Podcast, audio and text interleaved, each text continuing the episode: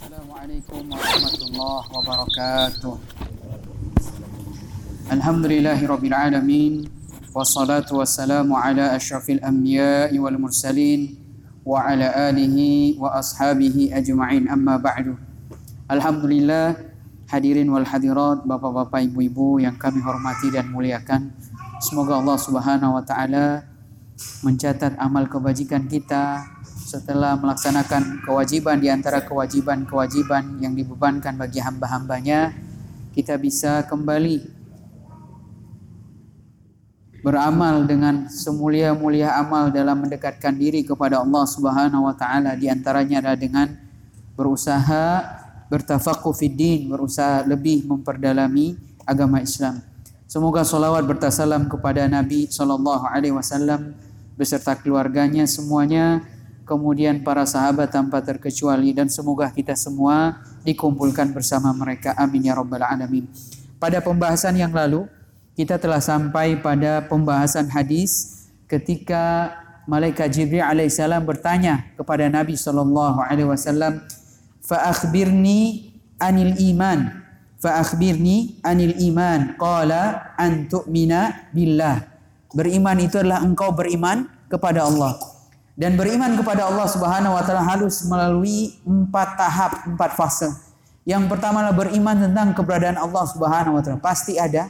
Walaupun indera kita, akal kita yang terbatas ini tidak bisa kita melihat Allah Subhanahu wa taala atau diindrai dengan panca indera manusia, tetapi semua tanda-tanda dari kaunia berupa alam, berupa gunung, berupa matahari, semua ciptaannya ada dan tanda-tanda syar'i bahwa diutusnya nabi, para rasul dan bukti yang berada kita sama kita sekarang mukjizat Nabi Yuna, Nabi Muhammad SAW yaitu Al Al-Quran dan Nabi Muhammad SAW itu tidak bisa membaca, tidak bisa menulis. Bagaimana mungkin bisa mendatangkan 30 juz Al-Quran dan bahasanya indah.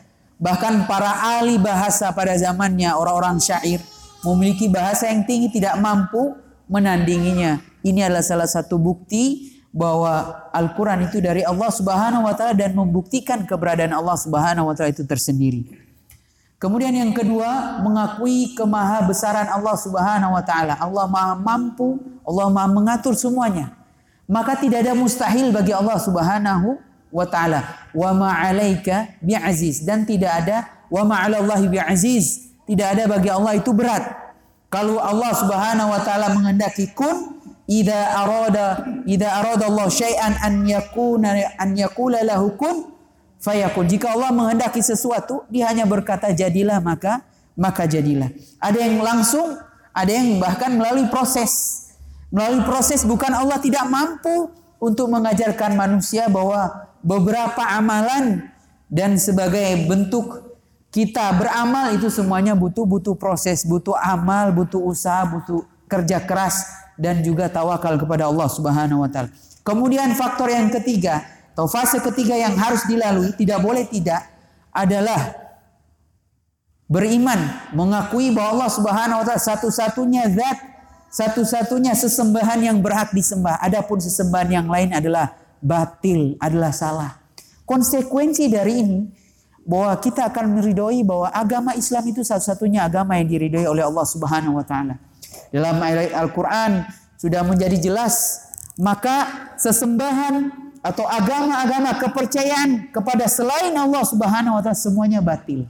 Semuanya salah, semuanya keliru. Mau pakai bahasa sopan sekalipun tetap tidak bisa. Yang hak, yang benar adalah Allah Subhanahu wa taala saja. Kemudian yang terakhir beriman mengakui Allah Subhanahu wa taala punya nama-nama dan sifat-sifat yang mulia, yang agung, yang sempurna, bebas dari segala kekurangan. Dan kita mengenal nama-nama Allah dan sifatnya bersumber dari wahyu, dari Al-Qur'an dan dari hadis Nabi Muhammad sallallahu alaihi wasallam yang yang sahih. Ketika empat faktor ini terpenuhi, maka dia akan mewujudkan tauhid yang sempurna. Dia akan semakin dekat lebih beribadah kepada Allah Subhanahu wa taala dan dia akan melaksanakan segala perintah Allah Subhanahu wa taala dan menjauhi segala larangannya. Tadi empat konsekuensi yang tidak boleh terlepas dari seorang mukmin ketika dia mengatakan amantu billah. saya beriman kepada Allah Subhanahu wa taala. Kemudian berikutnya jamaah sekalian, kita berpindah kepada jawaban Nabi SAW. Antuk minu bil antuk minabillah. Engkau beriman kepada Allah wa malaikatihi dan engkau beriman kepada malaikat-malaikat Allah Subhanahu wa taala. Sifat malaikat. Nah, kita uraikan sejenak secara ringkas padat. Malaikat wa khalaqahu min nur. Allah Subhanahu wa taala menciptakan dari dari cahaya. Dan malaikat adalah makhluk yang gaib. Allah Subhanahu wa taala tidak menjadikan kita manusia bisa melihat malaikat. Tetapi ketika malaikat berubah menjadi makhluk berdasarkan kekuasaan Allah Subhanahu wa taala dan izinnya, malaikat bisa berubah menjadi manusia dan sebagaimana yang datang bertanya kepada Nabi SAW adalah malaikat Jibril alaihissalam dan dia jadi jadi manusia biasa. Bahkan dikatakan seperti sahabat namanya siapa yang tahu? Malaikat pernah dia al-kalbi ahsantum. Dia al al-kalbi pernah menyerupai seorang sahabat yang mirip sebagaimana dia al-kalbi radhiyallahu anhu seorang sahabat yang mulia yang hidup pada zaman Nabi Muhammad sallallahu alaihi wasallam. Jadi ciptakan jari cahaya, makhluk goib. Kemudian kita manusia tidak bisa melihat malaikat. Tetapi ketika berubah menjadi makhluk manusia misalkan, maka kita bisa melihat malaikat sebagaimana dalam hadis ini. Kemudian berikutnya jamaah sekalian, tidak terdapat dalil baik yang sorry, yang jelas maupun yang tidak jelas dari Al-Quran dan Sunnah, malaikat itu tidak boleh disifati dia laki-laki atau perempuan. Dia laki-laki atau perempuan. Jadi gambaran-gambaran malaikat sebagai anak kecil yang imut boleh jadi perempuan, boleh jadi laki-laki tidak ada. Bahkan kepercayaan orang-orang yang telah tersesat dari jalannya mereka mengatakan malaikat itu nikah sehingga mempunyai anak malaikat lagi. Ma'adallah, maha suci Allah Subhanahu wa taala bahwa tidak disifatkan malaikat itu laki-laki dan perempuan. Kalau begitu mereka apa? Mereka makhluk Allah Subhanahu wa taala tadi yang sifatnya la ya'sunallaha ma amarahu wa yaf'aluna ma yu'marun dan mereka tidak pernah berbuat maksiat kepada Allah satu kali pun tidak pernah kemudian selalu menaati perintah Allah Subhanahu wa taala. Maka sifat yang pertama jamaah sekalian ada empat lagi sama yang harus kita lalui, yang harus kita pahami, yang harus kita imani. Empat fase atau empat faktor kesempurnaan seseorang beriman kepada malaikat. Yang pertama adalah al-imanu biwujudihim. Beriman tentang keberadaan malaikat. Beriman tentang keberadaan malaikat.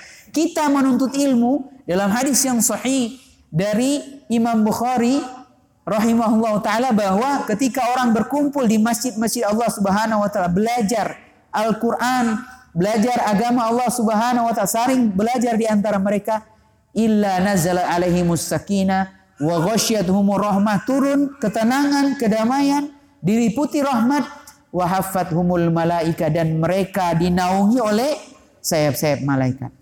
Mana mereka? Perkara tadi makhluk yang gaib. Dan kita beriman, beriman tentang keberadaan mereka dan ini termasuk ciri-ciri orang yang bertakwa. Hudal lil muttaqin alladzina yu'minuna bil ghaib. Salah satu yang disebutkan yang pertama kali oleh Allah Subhanahu wa taala mereka yang beriman kepada yang gaib. Yang gaib singkatnya adalah tidak bisa diindrai oleh lima panca indera manusia sebagaimana dimaklumi atau bahkan indera keenam sekalipun. Taib jamaah sekalian. Maka beriman tentang keberadaan mereka. Maka suatu saat ada seorang sahabat Nabi SAW dari Ansor. Beliau membaca Al-Quran. Beliau membaca membaca Al-Quran pada malam hari. Maka beliau mendengar suara ringkikan kuda yang sangat keras. Sehingga beliau merasa khawatir juga merasa takut. Sehingga beliau menghentikan bacaan Qurannya dan kuda ini tidak meringkik. Jamaah sekalian, kira-kira apa yang melihat kuda dalam hadis ini? Kalau anjing melonglong atau keledai, keledai ber, apa meringkik, keledai ya, keledai meringkik maka datang dari hadis Nabi SAW sesungguhnya mereka melihat setan, maka berlindunglah pada situ. Mohon perlindungan kepada Allah Subhanahu wa taala. Tetapi kalau kuda meringki, tidak ada dalil yang menjelaskan bahwa dia melihat setan. Maka dilaporkanlah sahabat ini hal ini dilaporkan sahabat ini kepada Nabi Wasallam. Maka kata Nabi SAW itu adalah malaikat yang turun ke bumi untuk mendengar suaramu. Kata Nabi SAW, sekiranya engkau membaca sampai pagi hari, niscaya manusia bisa melihat malaikat dalam wujud aslinya.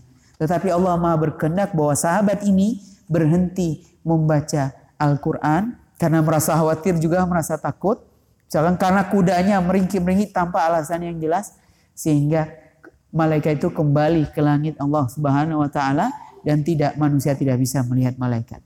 Itu telah terdapat dalam hadis-hadis yang telah sahih dari Nabi Muhammad sallallahu alaihi wasallam. Maka beriman tentang keberadaan mereka. Yang kedua, yang kedua, al-iman biman alimna min asma'ihim.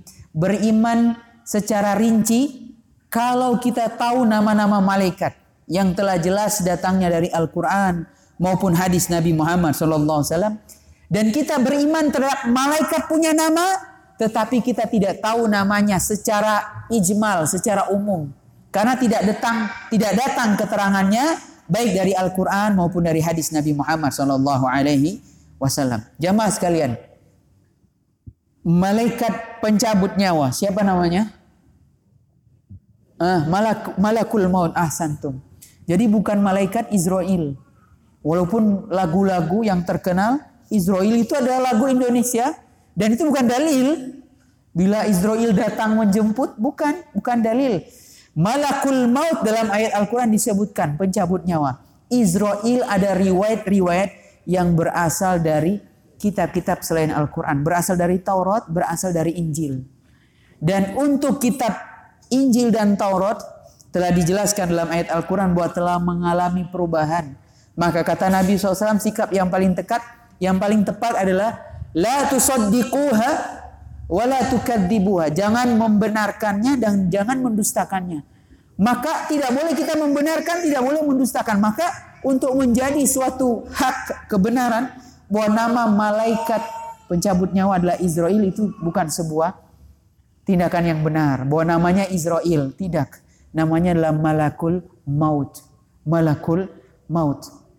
Sebagaimana dalam hadis yang keempat di sini diterangkan ada malaikat yang datang meniup ruh kepada manusia yang menjaga rohim tapi kita tidak tahu namanya. Kita tidak tahu namanya. Malaikat yang menyampaikan wahyu siapa?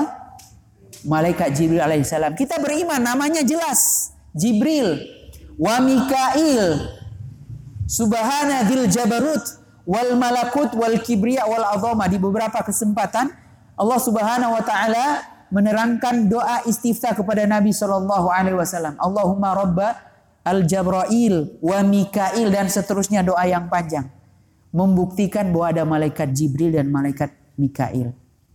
Dan jamaah sekalian, bahwa orang-orang Yahudi itu sangat benci kepada malaikat Jibril alaihissalam. Karena kenapa? Mereka cemburu sekali hasad dengki karena mereka menyangka bahwa Jibril alaihissalam telah salah menjadikan risalah terakhir kepada keturunan Ismail. Seharusnya kepada keturunan Bani Israel. Seharusnya terpilih dari mereka, maka mereka hasad. Maka dalam beberapa cerita-cerita, dan kita tahu cerita ini semua palsu, semua dusta, malaikat Jibril dibuang ke langit. Dan mereka suka malaikat Mikail.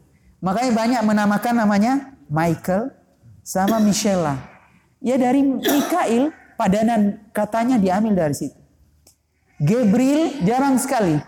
Jarang sekali. Orang-orang Nasrani masih senang. Tetapi orang-orang Yahudi itu sangat benci kepada malaikat Jibril alaihissalam. Karena mereka mengatakan Jibril telah salah memberikan wahyu. Seharusnya kepada keturunan Bani Israel. Tapi malah keturunan Nabi Ismail. Nabiullah Ismail alaihissalam. Dan ternyata Nabi yang terakhir adalah dari Nabi Muhammad sallallahu alaihi wasallam. Maka yang kedua, beriman kepada nama Allah secara rinci, beriman pada nama malaikat secara rinci yang telah jelas datang dari Al-Qur'an, dari hadis Nabi Muhammad sallallahu alaihi wasallam yang sahih. Adapun kita mengetahui malaikat punya nama tetapi tidak yang tidak datang keterangannya maka kita beriman secara umum saja. Yang ketiga jamaah sekalian, al-imanu bima alimna min sifatin. Kita beriman terhadap sifat-sifat malaikat. Sifat-sifat malaikat sebagaimana dalam surat An-Najm bahwa Nabi SAW telah melihat bentuk Jibril yang kedua. Sidratul Muntaha. melihat bentuk asli Jibril alaihissalam yang memiliki sayap sebagaimana dalam riwayat Imam Muslim hadis sahih mi situ mi'ati janah 600 sayap dan diterangkan dalam riwayat yang lain sayap-sayap ini berwarna-warni sekiranya jatuh sayapnya maka akan berubah menjadi batu-batu berharga jadi batu mulia jadi mutiara, jadi permata, jadi amber dan seterusnya dan seterusnya. Telah datang hadisnya dari Nabi SAW. Sekiranya jatuh tapi ternyata tidak tidak jatuh jamaah sekalian. Malaikat Jibril memiliki memiliki berapa? 600 sayap. Kita beriman kepada yang gaib. Telah datang hadisnya hadis sahih.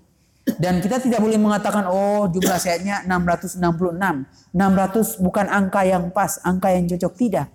Kita beriman kepada sifat-sifat yang dijelaskan. Bahkan kita beriman juga ketika Allah Subhanahu wa taala berfirman, maka semua malaikat pingsan saking takutnya kepada firman Allah Subhanahu wa taala. Kemudian malaikat yang pertama kali bangun adalah malaikat Jibril alaihissalam. Kita beriman telah datang hadisnya yang sahih dari Nabi Muhammad sallallahu alaihi wasallam. Dari mana kita mengetahui sifat-sifat malaikat dari dalam Al-Qur'an dan yang lebih rinci kebanyakannya dari hadis Nabi Muhammad wasallam termasuk dua malaikat yang datang menanyai manusia di alam kubur. Malaikat Munkar dan Nakir riwayatnya Israiliyat.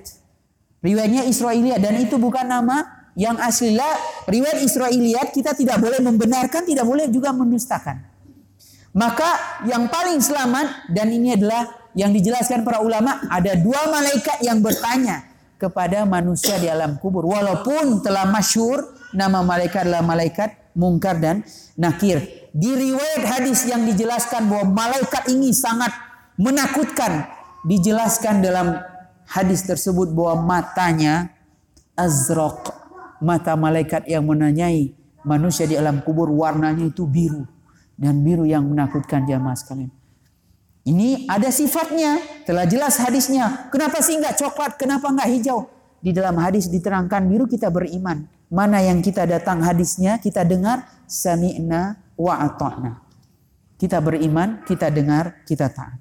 Itu beberapa sifat. Kita mengimani bahwa malaikat punya sifat secara rinci yang telah jelas sifatnya dan beriman bahwa malaikat punya sifat secara umum bahwa malaikat punya sifat walaupun kita tidak tahu sifat-sifatnya secara detail. Itu yang ketiga. Kemudian beriman kepada malaikat harus melalui yang keempat. Beriman bima alimna min a'malim aylati yaqumuna biha bi amrillah taala. Kita beriman apa yang kita ketahui secara rinci tugas-tugas malaikat, amalan-amalan malaikat dan kita beriman secara umum bahwa malaikat itu punya amalan. Tetapi amalan apa kita tidak tahu. Sebagaimana dalam peristiwa Isra Miraj. Nabi SAW berada di langit ketujuh dan di Baitul Ma'mur Nabi SAW melihat Nabi Ibrahim alaihissalam bersandar di Baitul Ma'mur dan masuk di dalam Baitul Ma'mur itu 70 ribu malaikat setiap hari dan tidak pernah keluar. Besoknya masuk lagi 70 hari. 70 ribu malaikat. Setiap hari. Luar biasa banyak sekali. Punya tugas, punya tugas.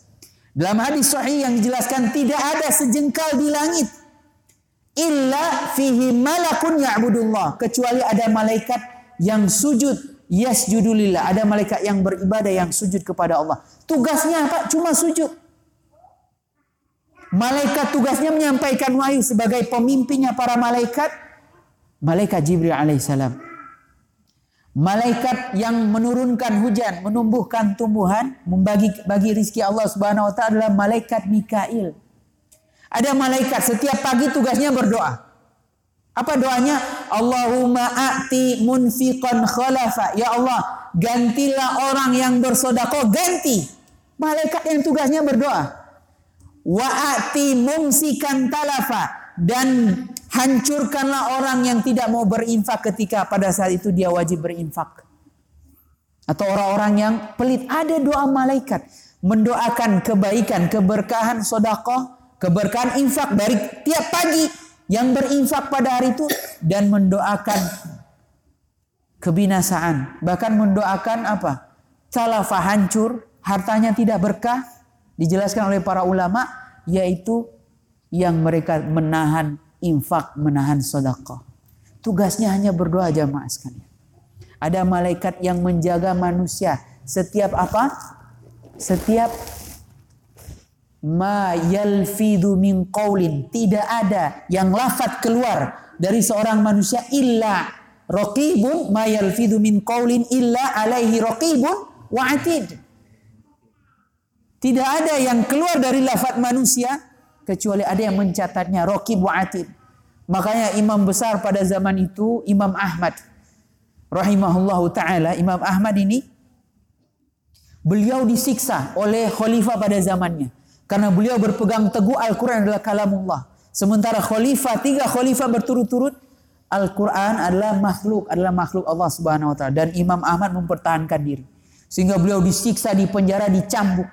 Kata para ahli sejarah, sekiranya cambuk ini dicambuk kepada seekor gajah, lahalak. Niscaya gajah itu akan mati, akan mampus. Tetapi Imam Ahmad dicambuk dengan cambuk yang tadi, tidak. Tidak, masih bisa bertahan. Bertahan bukan fisiknya jamaah sekalian. Kalau fisik boleh jadi tidak tahan. Tapi keimanannya kepada Allah subhanahu wa ta'ala mempertahankan Al-Quran adalah kalamullah. Sehingga sampai sekarang akidah al-sunnah wal jamaah Al-Quran itu adalah kalamullah dan bukan makhluk. Al-Quran adalah kalamullah dan bukan bukan makhluk. Sehingga Imam Ahmad ketika masa tuanya masa tuanya beliau merasakan beliau mengatakan al-an ashuru. Sekarang ini saya rasakan sakit dulu cambuk yang pernah dicambuk oleh algojo-algojo kepada saya. Waktu ditahan di penjara. Sakitnya luar biasa. Ketika orang sudah lemah, bahasa tubuhnya, imunnya sudah berkurang, semua rasa sakit datang. Kemudian Imam Ahmad mengatakan, sekarang saya rasakan. Akhirnya Imam Ahmad wajar seorang yang sudah tua, maka beliau merintih. Beliau merintih karena sakit. Kemudian ada muridnya. Muridnya sekonyong-konyong bertanya, "Wahai Imam, apakah rintihan juga dicatat malaikat?" Maka Imam Ahmad langsung bahasa Jawanya apa? Mingkem. Langsung diam. Karena rintihan juga dicatat para malaikat. Ya mas, sekalian ada catatan-catatan kita. Makanya ketika hari kiamat kelak orang-orang yang berbuat jahat, orang-orang mujrimin, orang-orang durhaka, orang-orang yang tenggelam dalam lumpur dosa. Heran ya, mali hadal kitab. Kitab apa ini? Catatan apa ini? La yughadiru saghirata wala kabiratan illa ahsah. Kaget ya, apa-apaan kitab ini? Tidak meninggalkan yang kecil maupun yang besar dari amalan-amalannya illa ahsaha. Kecuali dia telah menulisnya, menghitungnya tercatat. Wa wajadu ma'amilu hadira dan mereka mendapatkan apa yang mereka perbuat yang kecil maupun yang besar. Sekiranya ada amalan di pikiran kita, amalan kecil, nah itu amalan kecil. Wawajadu ma'amilu hadira. Mereka mendapatkan apa yang mereka perbuat dahulu hadir di depan mata, kilas balik, flashback. Semuanya terlihat. Kemudian Allah mengatakan wala yadlimu rabbuka ahada. Dan Allah sekali-kali tidak pernah berbuat zalim kepada hambanya. Artinya apa adanya. Yang dilakukan manusia. Yang kecil maupun yang besar. Semua tercatat dalam catatan amal-amal para malaikat. Catatan-catatan para para malaikat sebagai tugas-tugas mereka. Maka jemaah sekalian kita beriman. Malaikat itu punya tugas. Kita beriman secara rinci bahwa ini tugas-tugas malaikat yang kita sudah dengar dalilnya. Yang kita belum tahu ya kita beriman bahwa malaikat itu punya tugas dan tidaklah Allah menciptakan makhluk itu sia-sia. Rabbana ma khalaq subhana rabbana ma khalaqta hadza batila subhanaka faqina adzabannar. Wahai Rabb kami, engkau tidaklah menciptakan makhluk ini sia-sia. Semuanya ada ada hikmahnya. Bahkan seekor nyamuk pun ada hikmahnya. Bahkan seekor lalat pun ada hikmahnya. Walaupun orang-orang Musyrikin mengatakan apa-apaan Allah menciptakan makhluk serendah dina ini. Contohnya hikmah dan nyamuk. Hikmah positif apa jamaah sekalian? Kita tahu kan yang jeleknya. Positifnya nyamuk apa? Taib, tafadhol. Ini ada yang berdiri ini kayaknya mau jawab ya. Kacamata. Taib silakan jawab. Jamaah sekalian boleh jadi Tengah malam ada yang gigit kita. Buat apa? Bangunkan sholat malam. Cari yang positif. Aduh ini nyamuk. Wah sudah jam 3 masih jam 3 belum subuh. Boleh jadi dia ingin bangunkan sholat malam. Maka bersyukur jamaah. Dalam beberapa bersyukur kadangkala ada nyamuk. Alhamdulillah bisa bangunkan. Lalat jamaah sekalian. Kita tahu lalat itu kebanyakannya di image kita, pandangan kita itu kotor.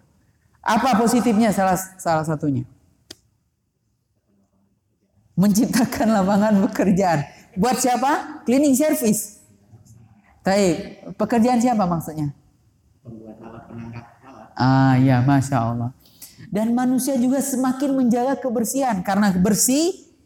Karena Nabi SAW bersih itu lebih dekat kepada keindahan. Wa inna Allah yuhibbu Inna Allah jamil yuhibbul jamal.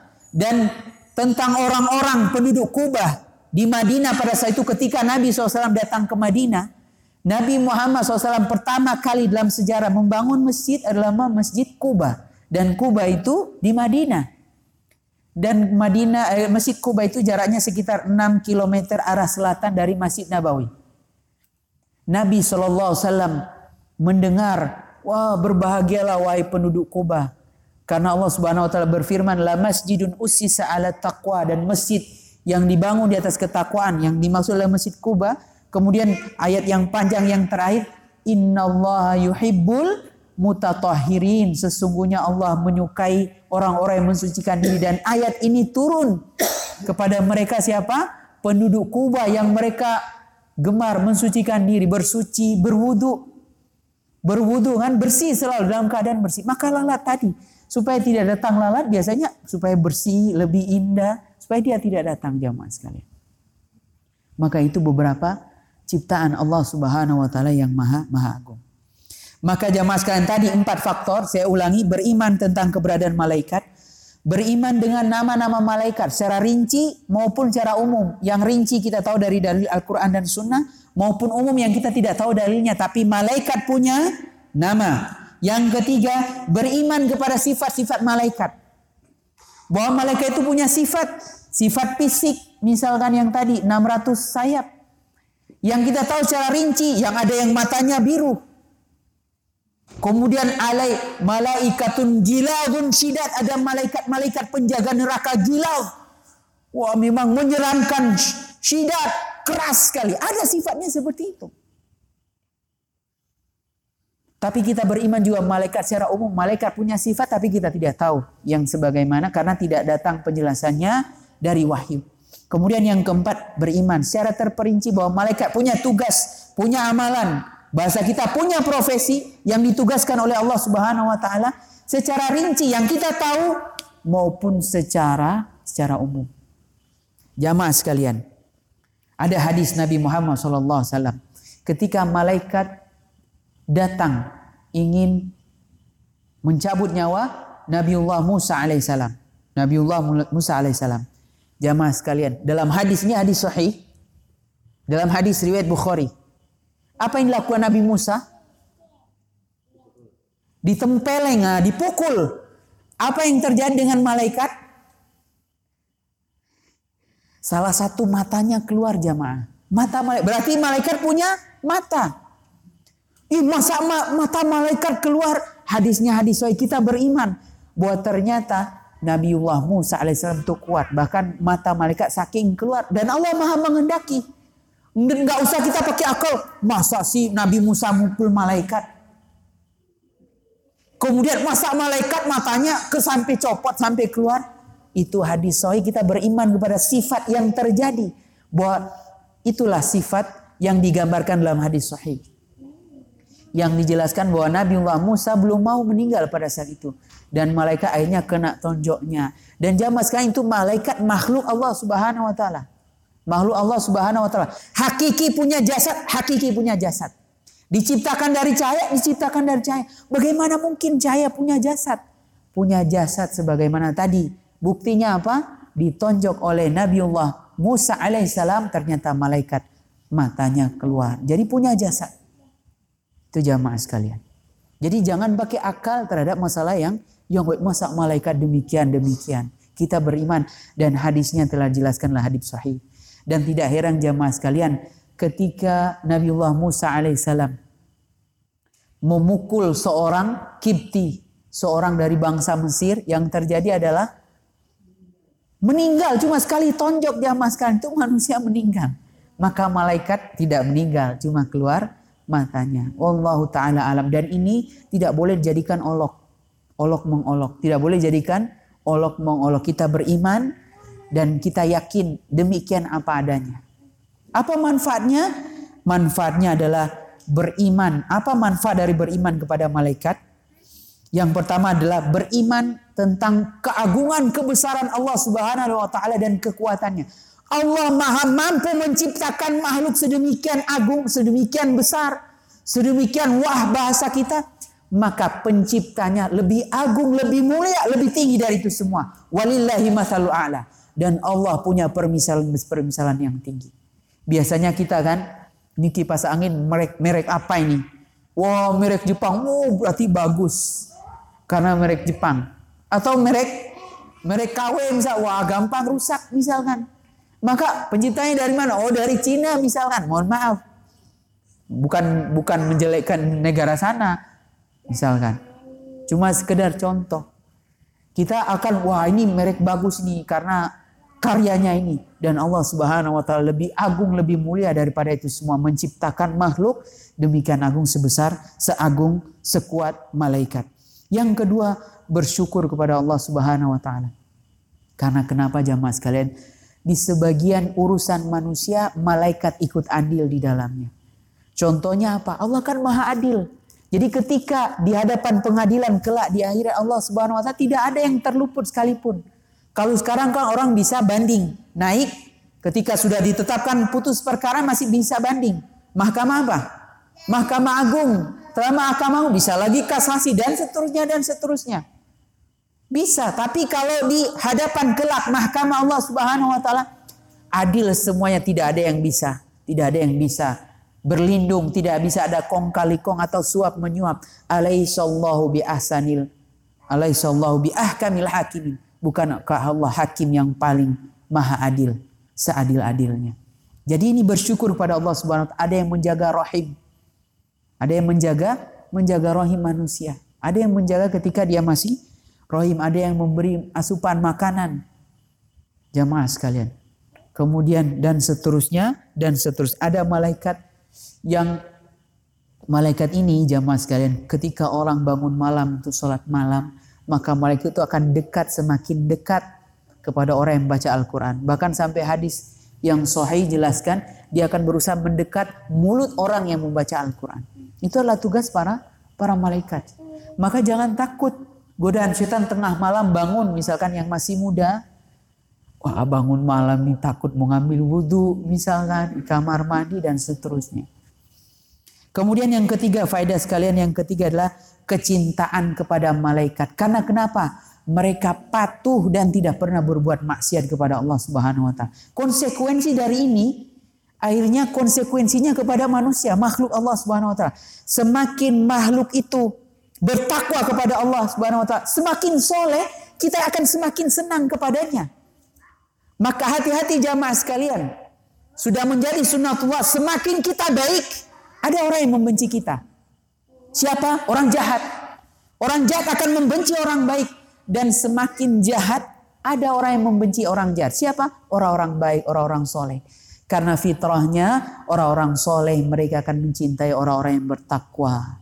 Sebagaimana kita mencintai malaikat, maka kita akan mencintai hamba-hamba Allah yang melaksanakan perintah Allah dan yang menjauhi larangan-larangan Allah. Dan hati-hati, hati-hati apa jamaah sekalian, jangan sampai ada orang soleh, ada orang yang bertakwa secara zahir, masya Allah. Jangan sampai kita dengki, sok alim, sok dekat ke masjid lima waktu, subhanallah. Hati-hati, jangan sampai kita membenci orang bertakwa, orang soleh, kita termasuk orang jahatnya. Kita termasuk yang bertentangan. Kita termasuk yang apa? Kebalikannya. Karena kenapa? Kenapa kita membenci orang bertakwa, orang soleh? Bukankah cara fitrah kita lebih senang kepada orang soleh? Itu namanya al-wala wal barok, loyalitas kita. Kepada orang yang bertakwa semakin kita senang. Semakin kita cinta. Jangan sampai ada orang yang semakin dekat kepada Allah Subhanahu wa taala kita tidak senang. Anda atau kita berada di mana posisi kita? Berada di orang yang soleh, kok membenci orang soleh? Atau kita berada sebaliknya orang yang tidak soleh, sehingga kita menjadi musuh mereka. Itu jamaah sekalian, Wallahu ta'ala alam bisawab beriman kepada para malaikat, malaikat Allah subhanahu wa ta'ala. Kemudian saya buka pertanyaan, saya mohon maaf karena saya ada, ini Jumat Legi, sebagaimana saya sudah pernah sampaikan, jadi lima menit sebelum adzan saya izin uh, saya buka pertanyaan sebelum masuk lima lima dua ya? Lima dua jadi masih ada dua menit. Kalau yang di situ empat lima. Monggo silakan bertanya. Yang ingin bertanya silakan pak yang wahyu malaikat Jibril itu menyampaikan wahyu ya mm -mm. kan wahyu disampaikan kepada Nabi SAW kan sudah meninggal Artinya apakah tugas Jibril ini sudah selesai juga? Baik. Ahsantum. Ini pertanyaan yang bagus. Apakah tugas Jibril sudah menyampaikan wahyu? Wahyu itu hanya untuk yang membawa nubuah, kenabian yang membawa risalah. Maka hadis yang paling jelas Ummu Aiman, ibu sepersusuan Nabi Shallallahu Alaihi Wasallam.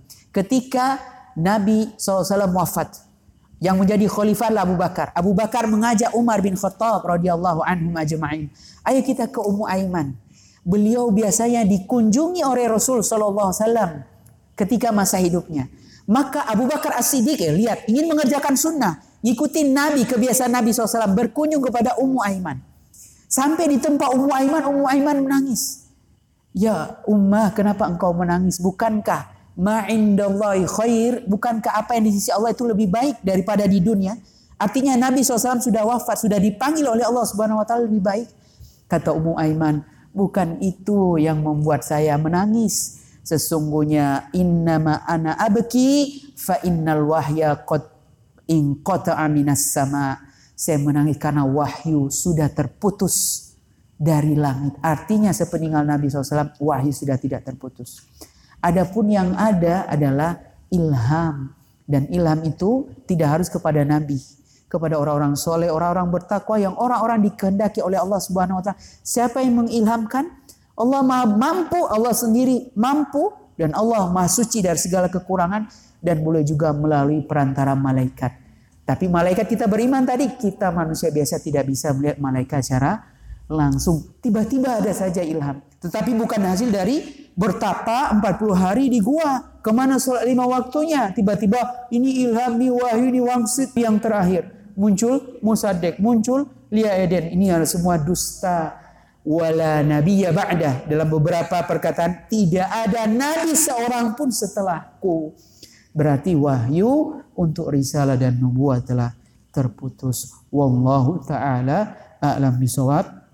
Mudah-mudahan kita cukupkan sampai di sini. Semoga kita bisa ketemu lagi pekan depan. Beriman kepada antuk minabillah wa malaikatihi wa kutubihi wa rusul. Kita bisa lanjut kepada kitab-kitab Allah dan rasulnya. Dan sama melalui empat faktor melalui empat fase. Tidak sempurna kecuali semuanya diimani kecuali semuanya dilewati.